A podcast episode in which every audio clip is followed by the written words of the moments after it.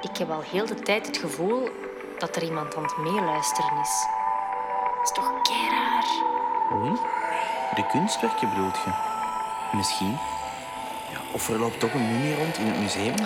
Ja, lacht maar. maar hey, wie weet luistert NASA wel mee, of eh, Elon Musk. Maar die verstaan toch geen Nederlands. Maar ja, dat is ook waar. Oké, ja. Ik ga nog eens een kunstwerk uitkiezen. Hè. Eh, even kijken. Eh, pom, pom, pom. Oeh, yes, warre, kijk. De grote komeet van 1680.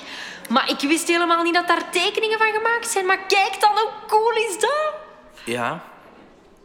Ja, de grote komeet. eh, speciaal. Ja, je hebt waarschijnlijk nog nooit van de grote komeet gehoord. Allee, dat is zo bijzonder, Warre. Dat is de eerste komeet die met een telescoop werd ontdekt. Op een koude novemberdag keek Gottfried Kirsch ja, door zijn telescoop en die zag dit. Voor de allereerste keer. Hè. Die heeft waarschijnlijk tien keer met zijn ogen moeten knipperen om te geloven wat hij zag. Maar de staartster was zo gigantisch dat ze weken later ook in open lucht te zien was. En zo helder dat ze zelfs overdag zichtbaar bleef.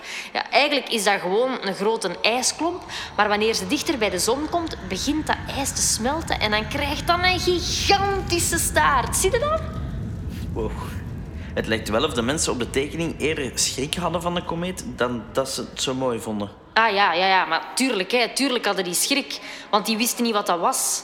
Mensen hebben altijd schrik van dingen die ze niet kennen.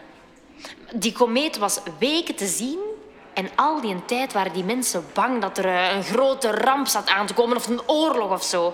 Of, of dat de hemel op hun kop zou vallen. Ja, beetje triest eigenlijk. Maar, maar jij gelooft toch ook in horoscopen? Ja. Dat is toch een beetje hetzelfde? Allee, de stand van de sterren bepaalt toch ook niet hoe jij je vandaag voelt? Nee, misschien niet, maar dat is gewoon zo spannend om dat elke dag te lezen.